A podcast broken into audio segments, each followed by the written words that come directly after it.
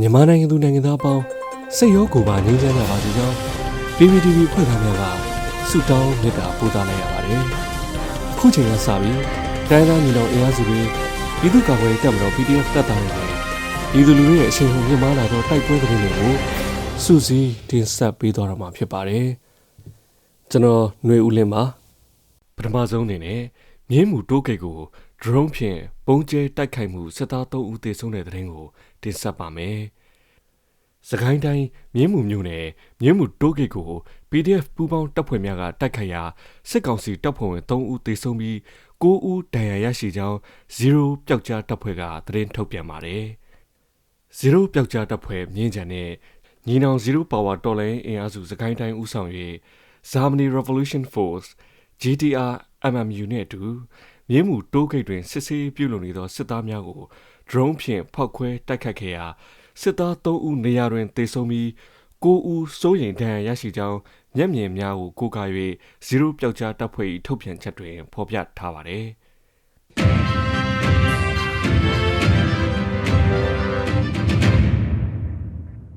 ဆက်လက်ပြီးပြည်ဦးလွင်မှဆင်းလာသောစစ်ကား၈စီးမိုင်းဆွဲတိုက်ခတ်ခံရတဲ့တဲ့ရင်ကိုတင်ဆက်ပါမယ်။ စကိုင်းတိုင်းပြင်းလွင်မှဆင်းလာသောစစ်ကား၈စီးမိုင်းဆွဲတိုက်ခိုက်ခံရပြီးထိခိုက်မှုအခြေအနေကိုစုံစမ်းဆဲဖြစ်ကြောင်းဒေသသတင်းရင်းမြစ်နဲ့ပျောက်ကြားတပ်ဖွဲ့များထံမှသိရပါဗျ။ဇွန်လ29ရက်နေ့နနက်10:40မိနစ်40အချိန်မှာပြင်ဦးလွင်မှဆင်းလာသောစစ်ကား၈စီးသည်ပြင်ဦးလွင်လမ်းတမာတော်နှင့်တန့်စင်ကုန်းကြားတွင် မိုင်းဆွဲတိုက်ခိုက်ခဲ့ရခြင်းဖြစ်ပါတယ်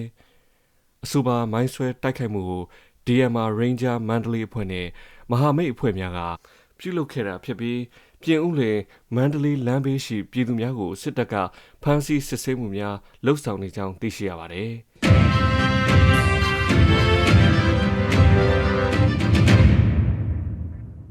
ဆလပီ KNU တပ်မဟာ3နယ်မြေတွင်စစ်ကောင်စီတပ်နှင့် KNL ကြားနှစ်ရက်အတွင်းတိုက်ပွဲ၃ကြိမ်ဖြစ်ပွားပြီးစစ်သား19ဦးသေဆုံးတဲ့တဲ့ရင်ကိုတင်ဆက်မှာပါ။ ကရင်မျိုးသားစီယုံ KNU တပ်မဟာ3နယ်မြေညောင်လေးပင်ခရိုင်တွင်နယ်မြေကျူးကျော်လာသောအကြမ်းဖက်စစ်တပ်နှင့်ကရင်အမျိုးသားလွတ်မြောက်ရေးတပ်မတော် KNL ကြားဇွန်လ25ရက်နဲ့26ရက်နေ့တွင်တိုက်ပွဲ3ကြိမ်ဖြစ်ပွားပြီးစစ်ကောင်စီဘက်မှ19ဦးသေဆုံးကြောင်း KNU ကသတင်းထုတ်ပြန်ပါတယ်။ဇွန်လ25ရက်နေ့နနက်9နာရီခန့်တွင်ညောင်လေးပင်ခရိုင်ကြောက်ကြီးမြို့နယ်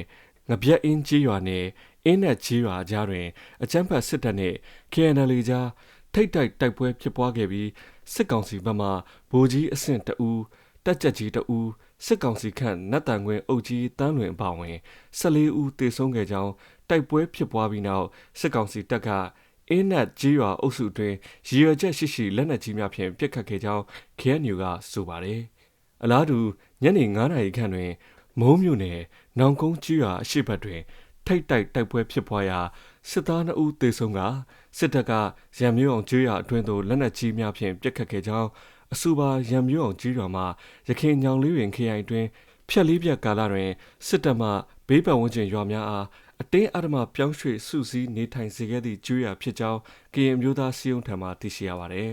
။ဇွန်လ26ရက်နေ့နနက်9:00နာရီတွင်ကြောက်ကြီးမြို့နယ်နရွဲပင်ကြီးရွာနှင့် ညောင်ကုန်းကြေးရွာအကြားတွင်စစ်တပ်နှင့် KNL ကြားတိုက်ပွဲဖြစ်ပွားပြီးစစ်သား3ဦးသေဆုံးခဲ့ကြောင်းအကြမ်းဖက်စစ်တပ်ကအင်းနဲ့ကြေးရွာအုပ်စုအတွင်းသို့လက်နက်ကြီးများထပ်မံပစ်ခတ်ခဲ့ကြောင်းညနေ6နာရီခန့်တွင်စစ်ကောင်စီဘက်မှလူအင်အားအပြည့်နှင့်စစ်ကား5စီးကိုညောင်ဝိုင်းကြေးရွာတွင်အင်အားဖြည့်တင်းထားသလိုလက်နက်အပြည့်စုံတဲ့လူအင်အားအပြည့်စစ်ကား6စီးသည်ငပြက်အင်းကြေးရွာသို့အင်အားဖြည့်တင်းထားကြောင်း KNU ကသတင်းထုတ်ပြန်ပါတယ်။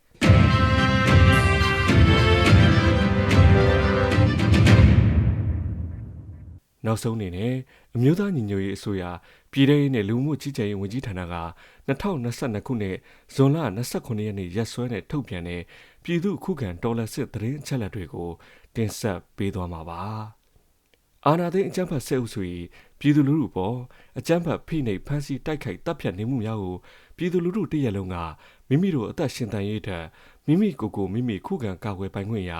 ပြည်သူခုခံစစ် People Defenses War ကိုဆင်နွှဲလျက်ရှိပါတယ်။သတင်းချက်လက်များအရ26ရက်6လ2022ခုနှစ်နေ့ရက်တွင်စစ်ကောင်စီတပ်ဖွဲ့ဝင်28ဦးသေဆုံးပြီးထိခိုက်ဒဏ်ရာရရှိသူ10ဦးအထိခုခံတိုက်ခိုက်နိုင်ခဲ့ပါတယ်။စစ်အာဏာရှင်စနစ်မြမအမျိုးပေါ်မှာအပိတိုင်ချုပ်ငြိမ်းရေးနဲ့ Federal Democracy တိဆောက်ရေးအတွက်ငြိမ်းချမ်းစွာဆန္ဒပြသည့်လူထုတပိတ်တိုက်ပွဲများကပြည်내နှင့်တိုင်းဒေသကြီးများမှာ ဖြစ်ပွားပေါ်ပေါက်လျက်ရှိပါတယ်။မြေပြင်မှာယခုတွေ့ရတဲ့သတင်းချက်လက်များထက်ပို၍ဖြစ်ပွားနိုင်ပါတယ်ခင်ဗျာ။